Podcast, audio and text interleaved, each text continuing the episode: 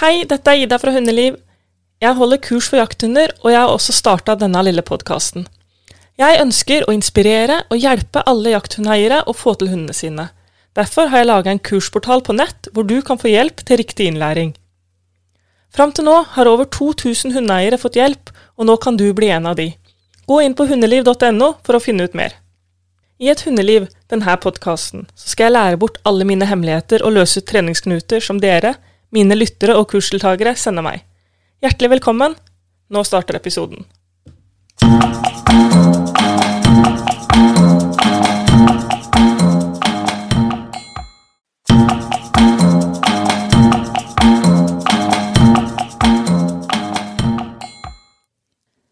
Belønningsbasert fuglehundtrening er en treningsmetode som fokuserer på å belønne rett atferd framfor å korrigere feil. Det er ikke alltid sånn at hundene våre automatisk gjør rett, sånn at vi bare kan belønne det. Mange ganger er default mode hos hunden det motsatte av det vi ønsker. Derfor krever denne metoden at vi i starten tenker oss om og legger opp treningsmiljøet og oppgavene sånn at hunden må mestre for å få noe ut av situasjonen. For å få til det, så må vi ha et klart bilde av hvordan vi vil at hunden vår skal oppføre seg i en gitt situasjon. Det er bare hvis vi veit hva vi ønsker av hunden, at vi kan legge opp til denne atferden og belønne den, og på den måten øke sannsynligheten for at den skjer igjen. Belønningsbaserte hundetrenere har skjønt at alt en hund vil ha, er en forsterker for en atferd. Det som kjennetegner en forsterker, det er at den får en atferd til å skje om igjen. Derfor liker belønningsbaserte fuglehundtrenere å dele opp øvelsene i mindre deler, sånn at det blir lettere å øke vanskelighetsgraden samtidig som hunden forstår oppgaven underveis. Med jakthunder så jobber vi i situasjoner som gir veldig sterke inntrykk. Å se fugl eller annet vilt, det er ikke bare forsterkende fordi det er spennende, men det er også biologisk viktig for hundene våre. Gjennom avl så har vi dyrka det at hundene våre skal ha interesse for det her. Og Det betyr at de tingene som skjer i en jaktsituasjon, er på toppen av hierarkiet for hva som er forsterkende for hunden sin atferd. De som kritiserer belønningsbasert trening, sier ofte at en kjøttbolle vil aldri få hunden til å slutte å jage fugl. Mange mener også at man kan komme så så langt med belønning, men at man aldri vil komme helt i mål uten å korrigere. Det her er jo basert på misforståelse rundt hva belønningsbasert trening er. I mine øyne så skal ikke en jakthund foretrekke kjøttboller fra min lomme framfor vilt, så der er jeg helt enig med kritikerne. Hunden den skal gjøre alt for å finne det viltet de er avla for å finne, og så skal de ta stand, støte, lose eller spore, sånn at jeg kan komme i posisjon for felling. Men hvis vi går tilbake til den tanken om at alt hunden liker å gjøre, er en belønning, så vil jeg sørge for at hunden min vet hva den skal gjøre, under enklere forhold, før jeg presenterer den for situasjoner under de mest forsterkende forholdene. Hvis jeg øker vanskelighetsgraden gradvis, så kan jeg komme i en posisjon sånn at hunden min gjør rett i de første jaktsituasjonene, og så kan jeg bruke tillatelsen til å utrede eller apportere eller jakte videre som belønning for at hunden f.eks. For forholdt seg i ro når den skulle. En hund som har gjennomgått utilstrekkelig opplæring av f.eks. sitt på kommando og tas med ut på jakt for tidlig, vil raskt begynne å strekke på hodet og se etter fugl når du sier sitt, i stedet for å sette seg. Og fra det her så er veien veldig kort til knallapport hvis hunden forstår at skuddet fører til en felling. Dette skjer fordi at hunder ikke lærer språk og ord like godt som oss. De assosierer situasjoner i tillegg til orda vi bruker. Derfor kan sitt i hjemlige miljø bety å sette seg ned på rumpa, men sitt i fjellet betyr se opp etter flyvende fugler eller løp og fang den som nettopp falt ned. Den belønningsbaserte hundetreneren vil ta denne kunnskapen med i treninga og jobbe med elementene i situasjonen som hunden skal fungere i, og bruke miljøsignalene som finnes, som, som finnes for å forsterke denne atferden. Sånn at når denne hundetreneren endelig kommer seg til fjells, så setter hunden seg på kommandoordet sitt og kan belønnes med de sterke, biologisk viktige forsterkerne som utredning, apport og å jakte videre er. For å kunne jobbe med elementene i en jaktsituasjon og bruke de som en belønning, så må vi kunne sette det i et system. Vi må lære hunden at det er vi som gir tilgang til de her ressursene. Og det er vanskeligere å lære hunden at det er vi som gir den tilgangen, hvis hunden først har fått fri tilgang til alt. Og Det er nettopp det her som er det største problemet, uansett hvilken metode du trener etter. Hvis hunden lærer at den kan gjøre hva den vil, og kanskje til og med ignorere deg mens den gjør det, Da er det vanskelig å rette opp i, og derfor lønner det seg å være litt i forkant. I stedet for å la unghunden jazze rundt på egen hånd mens vi venter på at jaktinstinktet skal våkne, så kan vi heller bruke tid sammen med valpen og bygge opp en relasjon og et forhold. Og vi kan bruke tid på å lære hunden å jobbe for ulike belønninger, veksle mellom de og jevne ut verdien av de forskjellige belønningene, sånn at det ikke blir så vondt for hunden å avbryte lek med en annen hund for å komme på innkalling. For lek med en annen hund, det er faktisk en belønning. Å få løpe, snuse på ting og jakte er belønninger. Og de fleste fuglehunder ville ikke nølt med å hente apport rype i fjellet hvis de visste at det var det eneste de måtte gjøre for å få lov til å jakte mer.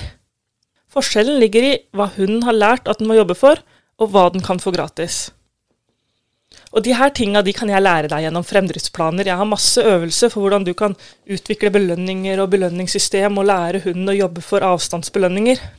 Jeg kan også hjelpe deg med fremdriftsplaner for å lære sitt apport og innkalling.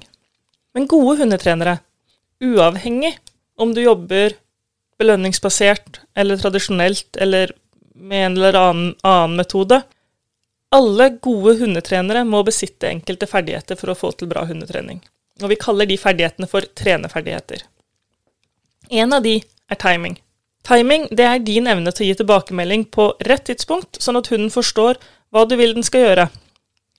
Og Ofte så handler timing om å bli flink til å gjenkjenne hva hunden gjør rett før den gjør en atferd, sånn at du kan tilpasse din reaksjon og enten stoppe hunden fra å gjøre feil, eller hjelpe den å gjøre rett. Hvis vi venter til hunden har utført atferden, så ender vi som regel med å være for treige. En annen ferdighet er denne evnen til å tilpasse treninga individet du trener. Det innebærer at du klarer å ta fornuftige valg i forhold til hvor du trener, i forhold til hvor i innlæringen hunden din er, og at du deler opp øvelsen sånn at hunden kan mestre hver del før du setter det sammen til en helhet. For å få til det, så må du vite hvordan du kan gjøre en oppgave lettere eller vanskeligere før du begynner med treninga med hunden. Å kunne balansere hundens trening og utvikling er også en viktig trenerferdighet. Når vi trener hund, så kan vi bare trene én egenskap om gangen. Det betyr at når du f.eks. tar med unghunden i fjellet for å la den utvikle søk, selvstendighet, viltfirenrevne og, og fuglehåndtering, så kan det gå på bekostning av f.eks. ro i oppflukt, hvis hunden oppdager gleden med å jage fugl.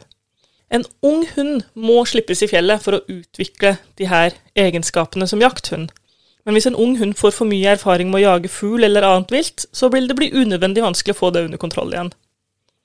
En god hundetrener klarer å se når den vektskåla blir skeiv, og endre treningen når ettergangen blir for lang, eller når hunden blir for knytta til oss, eller når hunden tjuvreiser, tygger på apporten eller blir treigere til å reise. Og Når man klarer å se tendenser i hundetreninga, så kan man ta grep, sånn at man unngår at mulige problemer blir et problem i utgangspunktet. Så hva er den egentlige forskjellen mellom tradisjonell og belønningsbasert hundetrening? Jeg forstår at det ikke alltid er så lett å vite, for jo, jo, mer man blir kjent med de ulike treningsmetodene, så ser man flere likheter. Og det er mange likheter. Det er mange likheter fordi at det som gjenkjenner god hundetrening, gjenkjenner god hundetrening over hele fjøla. Alle metoder må forholde seg til læringsteorien, og alle metoder krever trenerferdigheter som god timing, gode mekaniske ferdigheter og evne til å planlegge treninga. Det grunnleggende i læringsteorien er ikke så vanskelig. Forsterkere får atferd til å skje mer, men straff får atferd til å skje mindre. Og det handler ikke om snill og slem hundetrening, det er livet. Når du kjører for fort og får bot, straff, så kjører du mindre for fort. Når hunden får trekke i båndet og kommer fram til en luktflekk, belønning, så vil du få mer trekking i bånd. Læringslovene gjelder alt og alle. Det som er verdt å reflektere litt over, er at det som oppfattes som belønninger for hunden, finnes overalt, mens det som skal være straffende, veldig ofte kommer fra oss. Og hva gjør det med læringsmiljøet og vår relasjon til hunden? Selv om fokuset i belønningsbasert hundetrening er å legge opp treninga sånn at hunden gjør rett, så kommer vi ikke unna at det noen ganger blir feil. Mange ganger så skjer feilene fordi vi har gjort oppgaven for vanskelig i forhold til hva hunden kan klare, men noen ganger så endrer også miljøet seg uten at vi har kontroll på det. Kanskje det dukker opp en løs hund når vi trener innkalling. Kanskje apporten ubevisst blir kasta ned i et hull der den ligger og nesten ikke lager vitring.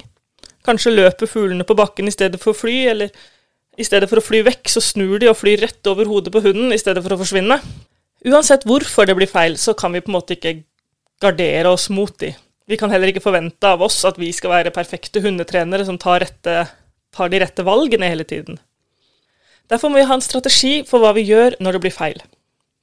Det er enda en misforståelse at belønningsbaserte trenere blir handlingslamma når hunden gjør noe den ikke skal, at vi står der med pølsebiten i hånda og ser på at hunden tar for seg.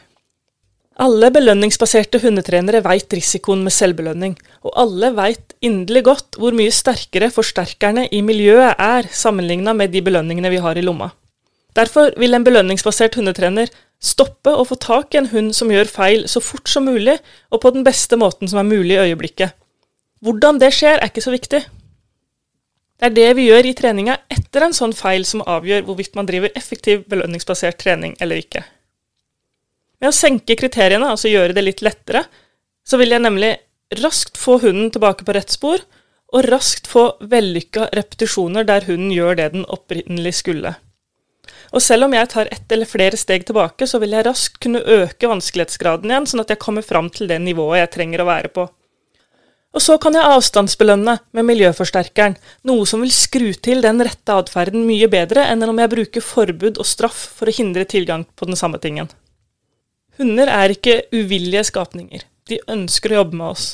Men de er også satt sammen med en del instinkter som gir dem et sett med egenskaper og interesser. Hvis hunden i en treningssituasjon ikke klarer å bli sittende, så er det som regel ikke det at den ikke kan sitte godt nok som er problemet. Problemet er ofte at den ikke har lært å jobbe i det miljøet du er i. Og Grunnen til at det virker å gå tilbake og gjøre lettere øvelser som hunden kjenner, er ikke fordi du trener opp en enklere versjon av sitt, men at du trener hundens evne til å jobbe i det miljøet. Og når du har trent opp hundens evne, så vil det du tidligere har lært hunden om sitt, komme tilbake. Sånn som jeg ser det, er en god hundetrener en god hundetrener uansett metode, og jeg har stor tro på å ikke sette seg for mye fast i å følge én metode. Det er mye viktigere å ha fokus på å utvikle egne trenerferdigheter. Bli best på timing. Lær deg å forutse når hunden din har tenkt å gjøre noe. Bli god på å svare når hunden gjør rett eller feil. Planlegg øktene dine og ha en plan for hvordan du skal gjøre vanskelighetsgraden høyere, eller hvordan du skal reagere hvis det ikke går etter planen. Sørg for å ha gode mekaniske ferdigheter, sånn at du klarer å holde arbeidsposisjon, gi godbit, holde bånd og forflytte deg. Hvis du har gode trenerferdigheter, så vil du lykkes uansett hvilken metode du benytter deg av.